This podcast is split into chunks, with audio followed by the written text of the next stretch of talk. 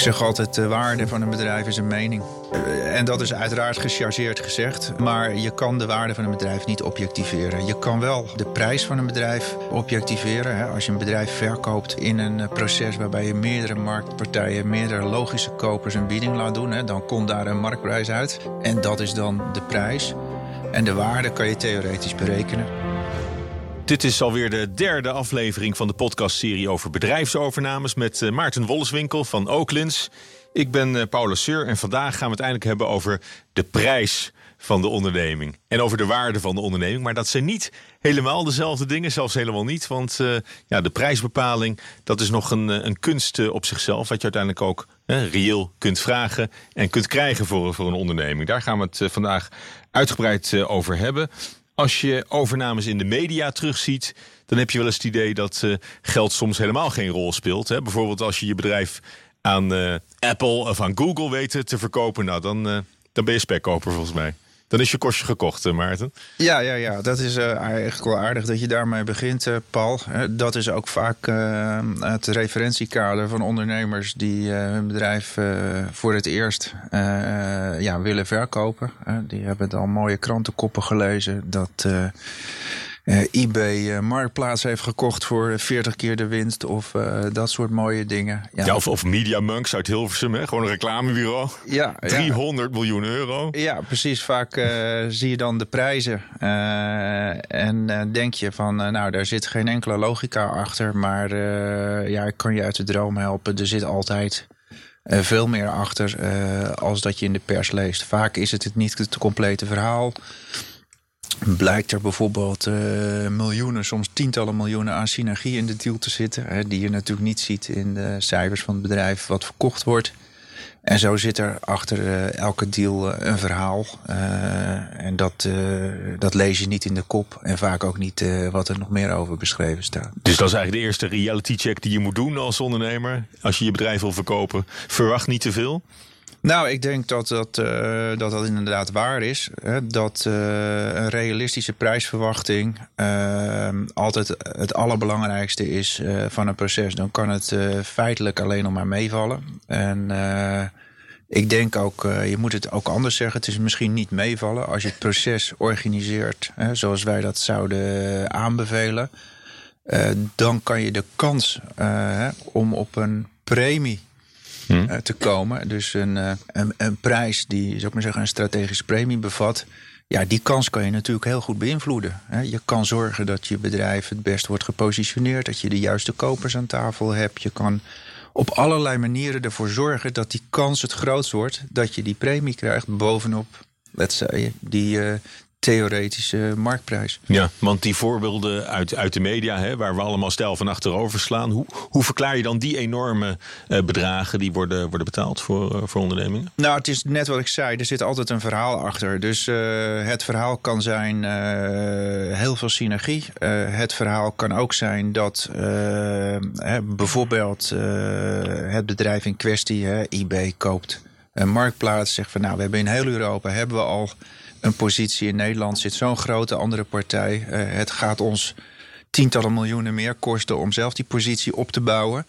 Eh, laten we de marktleider gewoon eh, met een premie uit de markt kopen. Want dat rekent zich eh, prima rond als we een deel van onze eigen synergie of kosten die we niet hoeven te maken, uiteindelijk betalen aan een verkoper. Dus dat is dan ook meestal een, een knock-out bod wat, wat op tafel wordt, wordt gelegd. Ja, maar het is irreëel om een proces voor, van verkoop van een onderneming in te richten met het idee hè, dat dat de uitkomst moet zijn. Want dat soort voorbeelden, ja, dat zijn maar 5% of zo van de theoretische uitkomsten die je al in een gestructureerd proces eh, tegenkomt. Ja, toch zal je eens wel vaak eh, aan de deur krijgen ondernemers die de zaak willen verkopen en al een bedrag in hun hoofd hebben. Ja, ja dat is eh, wel grappig. Wij vragen het natuurlijk altijd: hè, van wat wil je ervoor hebben? Als adviseur zeg ik altijd: wil je niet aan een dood paard trekken? Hè? Als iemand geen reële prijsverwachting heeft. Ja, een te hoge prijsverwachting bedoel je dan? dat is, dan, dat is dan altijd te hoog, kan ik je vertellen. Ja, dan ga je daar ook niet, eh, niet mee aan de slag. Dat heeft gewoon geen zin. Eh, dus wij vragen het altijd. En eh, ja, daar kom je de meeste... Je, je moet iedereen eigenlijk tot orde roepen. Nou, niet altijd. Uh, maar ik denk dat uh, de meeste ondernemers altijd wel een iets te rooskleurig beeld hebben van hun eigen bedrijf. Uh, je hoort soms zeggen van ja, weet je, wij hebben in de krant gezien dat bedrijf X en Y, dat dat ook dat in mijn sector werkt. Dat staat twintig keer de winst. Hè, dus dat zullen wij ook wel krijgen. Ik zeg, nou ja, realiseer je wel dat dat bedrijf ook honderd keer groter is. Hè, dat het publicly traded is, hè, dat ze aandelen op de beurs hebben. Uh, dat het dus een liquide aandeel is. Uh, en als die al jou zouden willen kopen en ze kopen het voor hun eigen multiple. Uh, dan voegen ze geen waarde toe voor hun aandeelhouders. Dus zij kopen minimaal 25 tot 40 procent onder hun eigen waardering. Dus mm. Ja, dat zijn natuurlijk de stukjes ervaring die je dan in zo'n discussie inbrengt. Want zo werkt het in de, in de realiteit. Ja, zijn er ook wel overnameadviseurs op de markt actief die, uh, die wel meegaan in, uh, in die hoge verwachtingen? Ja, zeker. ik denk ook dat dat de grootste valkuil is die, die je kan hebben. maar ook aandeelhouders. Hè. Kijk naar de verkoop van HEMA. Het heeft drie keer in de etalage gestaan en uiteindelijk verkopen ze het voor fors minder waarvoor ze het vijf jaar geleden hebben kunnen verkopen. Gewoon omdat ze qua prijsverwachting uh, niet reëel in de markt zaten. Ja, en daar helemaal vast in lopen. Klopt, ja. En op dat moment uh, gaat de deal niet door. Hè. Alle biedingen vallen tegen. Of je krijgt de kopers uh, niet bereid om anderhalf miljard te betalen. En uiteindelijk moet je dan met 800, 900 miljoen alsnog het veld ruimen vijf jaar later. Ja. Is er, is er überhaupt een, een objectieve waarderingsmethode voor, uh, voor bedrijven? Uh, nou, nee. Ik zeg altijd: de waarde van een bedrijf is een mening. Oh, die moet je wel even toelichten hoor. Ja, nou, en dat is uiteraard gechargeerd gezegd. Uh, maar je kan de waarde van een bedrijf niet objectiveren. Je kan wel de prijs van een bedrijf objectiveren. Hè. Als je een bedrijf verkoopt in een proces waarbij je meerdere marktpartijen, meerdere logische kopers een bieding laat doen, hè, dan komt daar een marktprijs uit. Mm -hmm. En dat is dan de prijs. En de waarde kan je theoretisch berekenen. Nou, daar zijn uh, uh, drie methodieken voor, die wij zelf mm -hmm. ook altijd inzetten.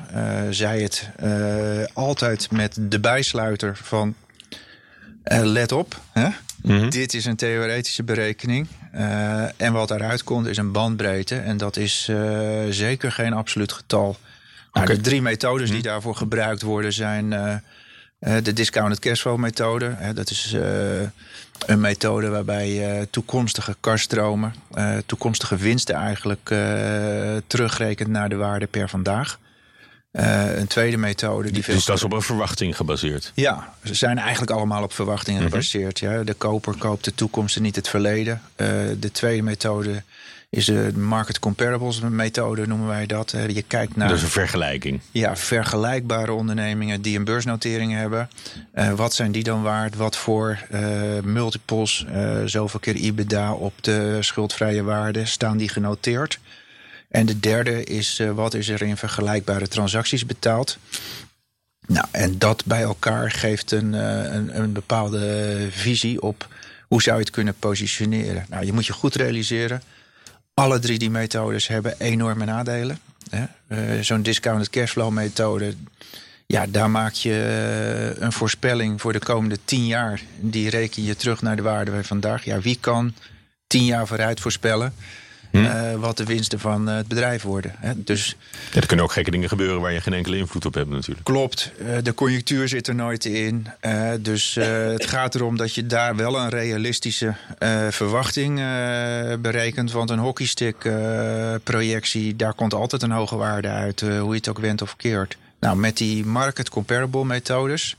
waarbij je kijkt naar vergelijkbare hm. ondernemingen die beursgenoteerd zijn uh, ja, het is eigenlijk altijd zo dat er geen enkele onderneming volledig, volledig vergelijkbaar is met jouw bedrijf. Mm -hmm. Of ze zijn veel groter, of ze hebben een lagere groei. Of ze hebben andere marges. Nou, en noem allemaal maar op. Of ze bedienen ook weer andere markten. Maar het geeft even een voorbeeld. Als je, als je een verffabriek hebt die je wil verkopen... heeft het zin om dan te kijken wat de verfdivisie van AXO waard is op de beurs? Ja, dat heeft zeker zin. Je kan naar PPG, AXO. Er zijn uh, toevallig uh, in, de, in de verfkant uh, van de markt... zijn er zeker wel een tiental beursgenoteerde bedrijven. Mm. Dus uh, dat geeft dan een bepaald beeld. En dan zeg je, nou oké, die bedrijven staan bijvoorbeeld gemiddeld gesproken acht tot tien keer uh, het bruto bedrijfsresultaat genoteerd.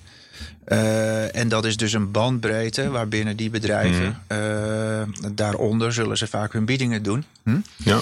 Omdat het anders geen waarde toevoegt voor een Maar goed, als, als, als jouw bedrijf geen beursnotering heeft, heeft het wel zin om je dan te vergelijken met eh, beursgenoteerde ondernemingen? Ja, want dat is uh, toch uiteindelijk een indicatie wat de markt, de objectieve mhm. buitenstaanders, uh, jouw type business, uh, ja, hoe ze dat waarderen. Ja. Oké, dus dat is dan door de transparantie hè, die geëist wordt van, van bedrijven met een beursnotering, daar kan je dan mooi voordeel mee doen. Ja, klopt. Dus wij vergelijken winstgevendheid. Wij proberen zoveel mogelijk ook de outliers uit zo'n overzicht te halen. Mhm. Dus te zorgen dat de partijen die niet uh, of het minst vergelijkbaar zijn of op een markt zitten zoals in China, waar alle waarderingen hmm. hoog zijn. Uh, dat je die niet meeneemt uh, in de gemiddeldes. Maar uiteindelijk komt daar dan een gemiddelde waardering uit van een peergroep, zoals wij dat noemen. En dat geeft je een indicatie. Uh, net als die DCF-methode een indicatie geeft. En die vergelijkbare transacties, wat is daarvoor betaald? En dan heb je als het ware drie brandbreedtes. En dan komt er een uh, stukje judgment van ons bij. En dan zeggen van nou, wij denken, uh, gegeven uh, van die bandbreedtes, de een loopt van 40 tot 60 miljoen, de ander loopt van 30 tot 50 mm. en een derde van 60 tot 70. Wij denken dat een reële bandbreedte 50 tot 60 is. Hè? Uh, als een indicatie van waar partijen in kunnen bieden. dus je kiest niet voor één specifieke waarderingsmethode, maar eigenlijk uh, doe je ze in de mix. Je probeert zo, zoveel mogelijk methodieken samen te, uh, bij elkaar te brengen. kijk, dus iets anders als je een tolweg verkoopt.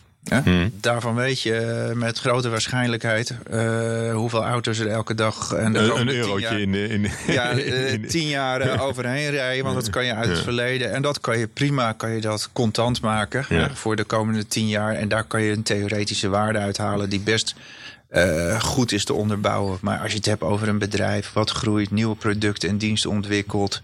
Uh, nieuwe locaties naar het buitenland gaat. Ja, uh, wie, wie, het weet mag het zeggen. Maar uh, tien jaar voorspellen, of zelfs vijf, of zelfs twee. Ja.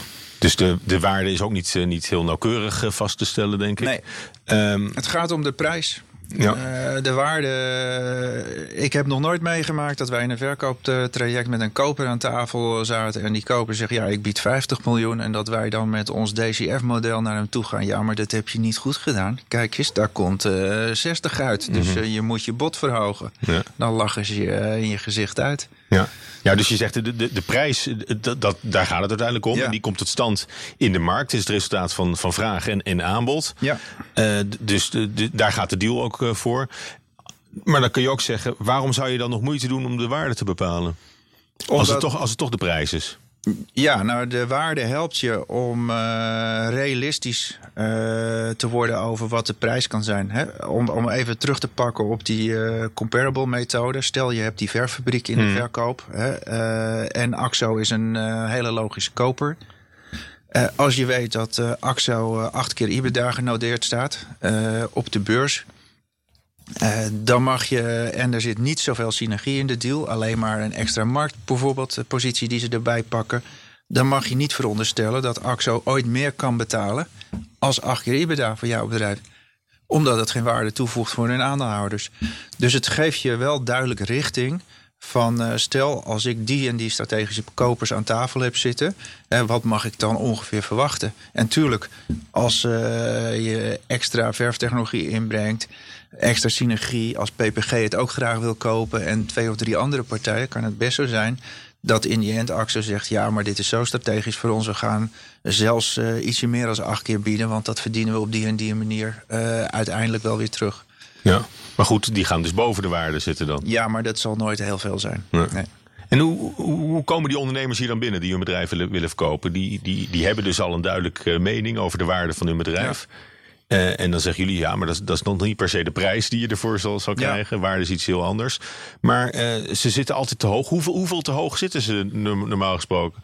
Ze, ze, vinden heel wat van hun eigen bedrijf waarschijnlijk. Het is, het is, toch hun kindje ook? Ja, nou, ik wil niet zeggen dat alle ondernemers te hoog zitten. Hè. Vaak komen ondernemers bij ons omdat ze een keer benaderd zijn... of meerdere keren door potentiële kopers. Maar je hebt ook wel dat ze misschien wel geen idee hebben van wat ze eigenlijk uh, Klopt, ja. En dan zeggen wij, nou oké, okay, laten wij dan met die drie methodes de informatie delen. Hè? zoals wij mhm. de modellen hebben gebouwd. Hè? Dan kan je zelf meekijken of we daar een reële inschatting maken of niet. Zo, dus dan delen we in feite alle data die we hebben gebruikt om tot een inschatting te komen. En dan zeggen we ook, ja hoor dit is de waarde.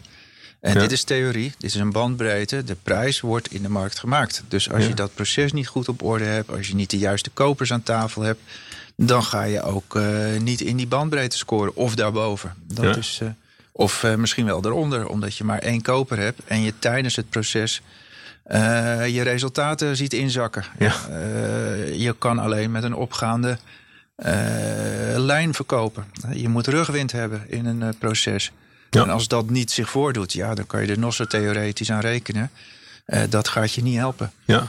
Maar goed, wat, wat, jullie ook doen is, uh, is meteen de vergelijking. Hè? Een comparable van, van kijk, ook eens in, kijk ook eens om je heen in de markt. Ja, ja. Wat, uh, hè, wat, wat, is je concurrent waard? Hoe, nou, hoe schat je dat in? Nou ja, precies. ik heb uh, recent nog een ondernemer hier aan tafel gehad. die vond dat hij twintig keer de winst waard was. En ik vond dat dat overdreven waar, waar baseerde hij dat op? nou, hij had zelf bedacht dat hij de beste partij in Nederland was. terwijl dit een internationale business was. nou, in alles vond hij zijn eigen bedrijf uh, superieur. Uh, hij had heel leuk ook een hele grote concurrent, een ander Europees bedrijf, wat ongeveer dezelfde omvang had. En ja, toen heb ik hem gewoon gevraagd. Ik zeg, joh, stel dat je die zou mogen kopen. En wij zorgen ervoor dat je de financiering krijgt. Wat zou je er dan voor bieden? Nou, toen was hij even stil en toen zei hij... ja, vijf tot zeven keer de winst, dat is max wat ik ervoor geef. Want ja, ze zijn niet zo goed als wij enzovoort. Ik zei, nou, kan je je voorstellen en dat kopers ook wel eens zo naar jouw bedrijf zouden kunnen kijken. Als jij al zegt dat jij je grootste concurrent, wat ook een mooi bedrijf is, wat net zo'n marktpositie heeft, hè, uh, op vijf tot zeven keer hè, zou willen kopen. Uh, dan gaat een ander daar geen twintig keer voor uh, geven. En by the way, dit zijn vergelijkbare transacties die gedaan zijn. Die zaten ergens rond deze prijs. En dit zijn vergelijkbare bedrijven in de markt. beursgenoteerd. die noteren volgens die multiples.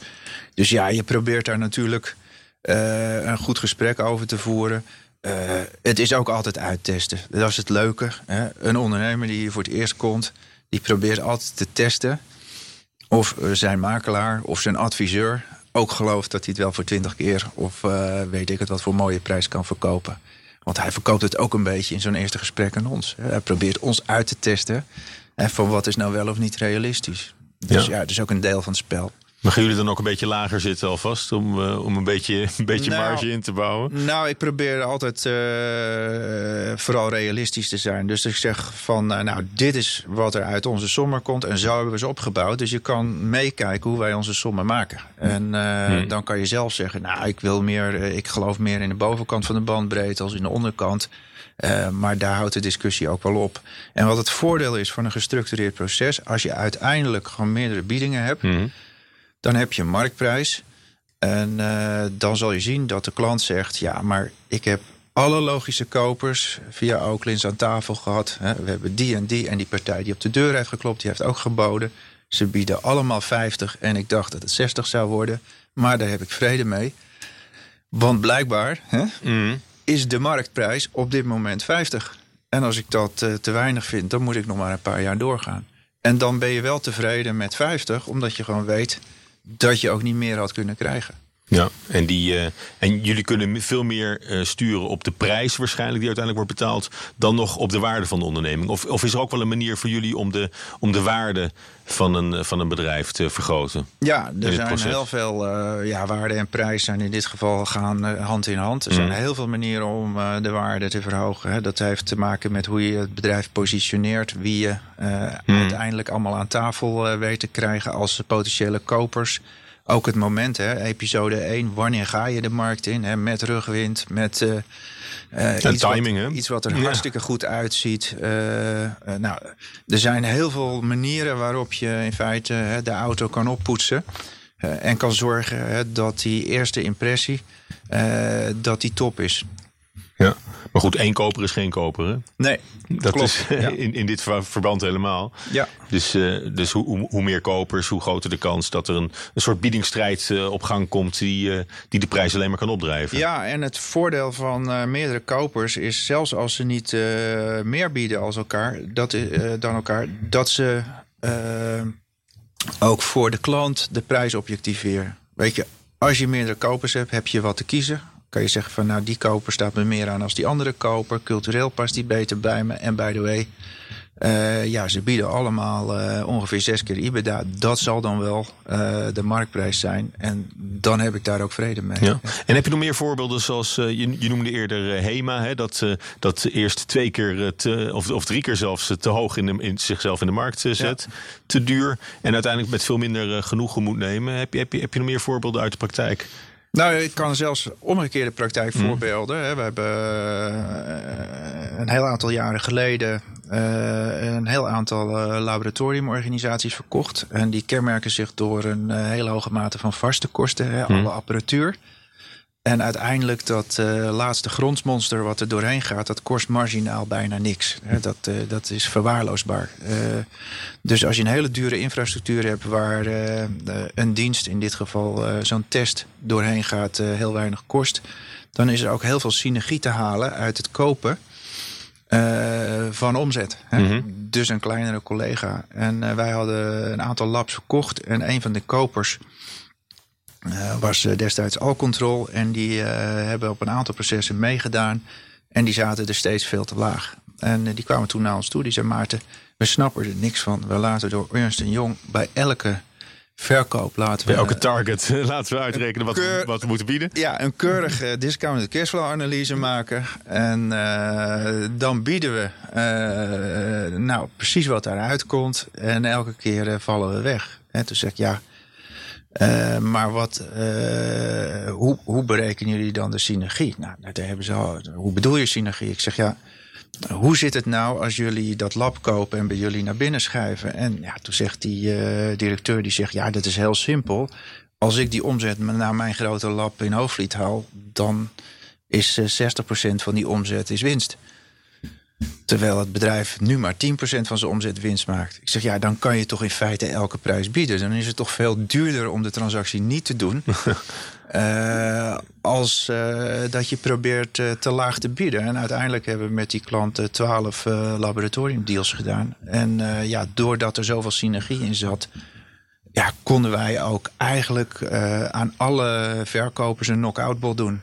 Omdat we dat zelf heel snel gingen terugverdienen. Ja. Maar dus dat is ook aan de, aan de koopkant ook uh, wel degelijk iets om, om rekening mee te houden. Ja, en uh, ja. het is heel simpel. Als je, uh, als je 5 miljoen omzet koopt, wat voor 60% winst wordt in jouw handen, dan heb je 3 miljoen winst in plaats van de half miljoen dat dat bedrijf misschien op dat moment maakt. Maar daar kan je natuurlijk bijna iedere prijs voor bieden. En dan nog steeds een hele goede deal doen voor beide partijen, uiteraard. Oké, okay, dat, dat ging over, over laboratoria. En dan vertel je dat zijn, zijn, dat zijn organisaties met, met een hoge investering investeringsniveau. Hè, die ja. uh, veel, uh, veel, veel, waarde in, in de machines en in de, in de gebouwen waarschijnlijk ja. uh, vastzit. Zo, zo, zal elke sector zijn eigen waardering hebben. Hè. We, we, hebben het over zoveel keer de winsten gehad. De multiples heb je het over. Is trouwens nog, nog iets anders. Hè? Het, moet altijd in het Engels, geloof ik. Hè? Ja, het is, uh, dit is een vakgebied met uh, alleen maar uh, Engelse termen. En dat komt eigenlijk om dat het, de overnamemarkt is een wereldwijde markt. er zijn bijna geen bedrijven die alleen in Nederland spelen. En dan ook aan, alleen in Nederland kopers zullen hebben. Iedereen in ons vak werkt in het Engels. Ja. Ja. Maar het is nu zelfs zo dat als je, als je twee Nederlandse partijen hebt een koper en een verkoper, allebei Nederlands, dat ze dan toch in het Engels het papierwerk eh, krijgen. Ja, dat zien we heel veel gebeuren. Dat de overnamecontracten wel volgens Nederlands recht zijn, maar uh, toch in het Engels worden opgesteld. Ja, ja. Uh, dat is gewoon uh, zoals deze markt werkt. Ja, ja is niet lastig. nee, want je zal zien hè, als je een bedrijf in de verkoop hebt, dat ze bijna altijd ook over de hele wereld werken, of in ieder geval in een aantal buitenlanden, dus ook gewend zijn om met buitenlandse taal om te ja. gaan. Oké, nou goed, daar kwam ik op vanwege die multiple. Dat, ja. dat, is, dat is een van die, van die begrippen. Ja. Uh, dat verschilt per sector, hè? Ja, je moet het zien. Uh, mensen vinden het heerlijk om met multiples te werken. Hè? Uh, zoveel keer EBITDA, vijf of zes keer gemiddeld. je ziet ook dat er best wel veel waarheid in zit. in de markt van de wat kleinere deals tussen 5 en 25 miljoen zie je dat eigenlijk uh, 80% van de prijzing uh, plaatsvindt op 5 tot 6 keer uh, EBITDA, dus het bruto bedrijfsresultaat. Mm. en ja, wat zegt zo'n EBITDA? Dat is eigenlijk een, een, proxy voor de, voor de cashflow. Eigenlijk is het een hele... Een proxy voor de cashflow, hè? Eigenlijk, EBITDA. eigenlijk is het een hele simpele discounted cashflow methode. Je gaat ervan uit, doordat je die multiple berekent, dat uh, de, als de multiple 6 is, dat de komende zes jaar tenminste uh, die cashflow mm zal worden verdiend. En daarom betaal je zes keer. Dus ja, zo heeft elke sector. Maar, maar zes keer, er zijn ook sectoren die, die twintig keer de winst doen? Ja, zeker. Ja, ja, dus het verschilt heel erg. Hè. Dus als je een, een hoge over verkoopt, hè, dan zal je lage multiples hebben. Want er zitten hele hoge investeringsniveaus in. Uh, maar softwareontwikkelaars, uh, bijvoorbeeld. Of uh, appbouwers. Hè? Appbouwers, noem maar op. Ja, daar zie je precies het omgekeerde. Ja. Die genereren veel cash, maar hebben een laag investeringsniveau. en vaak hele hoge groei. Nou, hoge groei is ook een reden voor, voor hoge multiples. Ja. ja. En nou doen professionele kopers biedingen vaak cash-free en debt-free. Ja. De enterprise value eh, bieden ze dan. Wat, wat wordt daarmee bedoeld? Kijk, jij kan al goed mee. Nou ja, ik, ik, ik, doe ook maar mijn best. Met, uh, ja. ja. enterprise value, uh, dat is de schuldvrije waardering, vrij vertaald. En dat is eigenlijk zoals onze markt al jaren werkt. Dit is, als je in het professionele circuit zaken doet dan wordt er niet meer uh, zoveel keer de, uh, de winst voor je aandelen geboden. Dan wordt er cash en debt free geboden. Nou, wat houdt dat in? dat betekent dat de onderneming, bijvoorbeeld in dat voorbeeldje, stel hij doet 5 miljoen bedrijfsresultaat. Dan zegt die koper, ja, ik wil 6 keer 5 is 30 miljoen enterprise value voor de onderneming betalen. Nou, dan krijgt uh, de eigenaar uh, geen 30 miljoen. Want, zeggen ze, dat is cash-free, debt-free. Alles wat je aan kasmiddelen op de balans hebt staan... Uh, die mag je bij de prijs voor je aandelen optellen. Maar als ik ook 5 of 6 miljoen bankschuld meekoop in de transactie... dan trek ik dat er uiteraard vanaf. Dus stel je hebt... Uh, 6 miljoen bankschuld, dan krijg je geen 30 miljoen, maar 24 miljoen overgemaakt voor je aandelen. Ja. Nou, en dat is uh, een ware onderhandelingsparadijs. Ja, waarom? Ja, ik denk dat wij daar voor onze klanten uh, gemiddeld genomen uh, 15, soms wel 20 procent het verschil maken in prijs. Uh, geoefende kopers gebruiken met name die definitie van enterprise value om, uh, om in de exclusieve onderhandelingsfase, om dan eigenlijk, eigenlijk nog helemaal uit te kleden. Ja, klopt. Dus zelfs uh, vakantiedagen van de, van de medewerkers uh, worden allemaal als dat is ineens schuld. Allerlei voorzieningen worden als ja. schuld aangemerkt. er worden heel veel werkkapitaalcorrecties gedaan. Zeggen van ja, je werkkapitaal is eigenlijk veel te laag. of het zou normaal gesproken hoger zijn. En dan zou je meer financiering nodig hebben gehad. Dus dat trekken we van de prijzen af. Nou, en er zijn daar tientallen trucendozen die opengetrokken kunnen worden. Om die waarde van die aandelen naar beneden te krijgen. Terwijl het nog steeds hetzelfde heet. Het heet nog steeds 30 miljoen. Maar ondertussen uh, krijg je er maar 22 overgemaakt. En hoe kan dat dan? En nou, dat is uh, ja, een, een, spel voor gevorderden. Maar uh, ja, verkopers moeten heel goed rekening houden dat vooral private equity fondsen en actieve kopers, dat die super bedreven zijn om dit spel te spelen. Nou Maarten, de belangrijkste les is dus eigenlijk dat uh, waarde zeker niet hetzelfde is als de prijs. En de prijs is het enige waar je uiteindelijk van op aan kan als, uh, als ondernemer die zijn bedrijf dat verkoopt. Dat is wat je ervoor krijgt. Ja, ja dat is wat ja. je ervoor krijgt. En wat je uiteindelijk, als het goed is, ook uh, op je rekening krijgt bijgeschreven ja, aan het eind van de rit. Als niet alsnog het hele, de, de, hele prijs wordt, wordt uitgekleed door, door slimme accountants van de koper. Die alle schulden en bedrijfsmiddelen nog erop in mindering brengen. Ja, ja. Oké, welke, welke, welke tips komen voor jou naar voren uit, uh, uit dit verhaal over, over de prijs en de, de, de, waarde van je, van je onderneming? Nou, ten eerste natuurlijk wat je net al zei, prijs en waarde zijn iets anders. Prijs komt in de markt tot stand en de prijs komt op stand uh, in een proces waarbij je meerdere partijen laat bieden. Dat is eigenlijk het allerbelangrijkste om, om een goede prijs te krijgen, dat je marktvorming hebt. Nou, we hebben het natuurlijk in de vorige episode al gehad. Hè, dat je de beste marktvorming realiseert door een gestructureerd proces. Uh, tweede is, uh, je moet je ook realiseren als verkoper dat uh, ja, je wel de theoretische waarde kan verhogen. Hè, door bijvoorbeeld de projecties van je bedrijf nog wat op te leuken. Hè, 50% groei de komende jaren. Maar dat zullen partijen niet, niet gauw geloven als dat niet onderbouwd is. Dus ik zeg altijd, als dat zich voordoet, verkoop dan een paar jaar later. want alleen een, een betere projectie gaat er echt niet voor zorgen dat je een veel hogere prijs hebt. En dan als laatste wil ik nog een keer benadrukken dat je heel goed moet realiseren dat enterprise values, schuldvrije biedingen, zoals alle kopers, alle geoefende kopers in deze markt bieden, dat dat een onderhandelingsparadijs is. Dat er heel vaak allerlei elementen niet in staan. We gaan er in episode 5 wat meer op in. Maar dan moet je het denken over, ja, er staat wel 30 miljoen, maar per wanneer betalen ze dat? Betalen ze dat uh, ook nog voor een deel uitgesteld in een earn-out. Wat wordt er gedaan met de winst van het lopend boekjaar? Krijg ik die dan ook nog betaald? Is het een schuldvrije waardering waarbij allerlei aannames over debt en debt-like items, zoals wij dat noemen, worden gedaan die niet reëel zijn?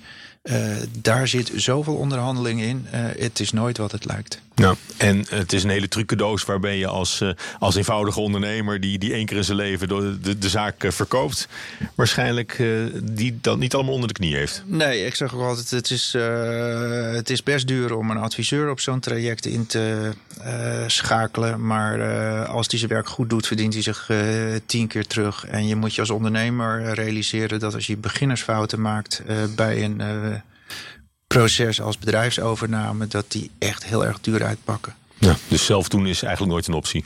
Ik vind dat het uh, heel onverstandig is. Oké, nou dat, uh, dat lijkt me misschien wel de, de belangrijkste tip eh, van deze, uh, deze editie. dit was het alweer. Bedankt voor het luisteren naar deel 3 in de podcastserie over bedrijfsovernames. volgende keer gaan we het hebben over de letter of intent. Toch het centrale document waarop zo'n bedrijfsovernameproces plaatsvindt. De kern van het verkoopproces, denk ik. Een heel belangrijk, die letter of intent. Dat allemaal volgende keer. Dit was het voor nu. Ik ben Paula Seur en ik sprak met Maarten Wolleswinkel van Oakland.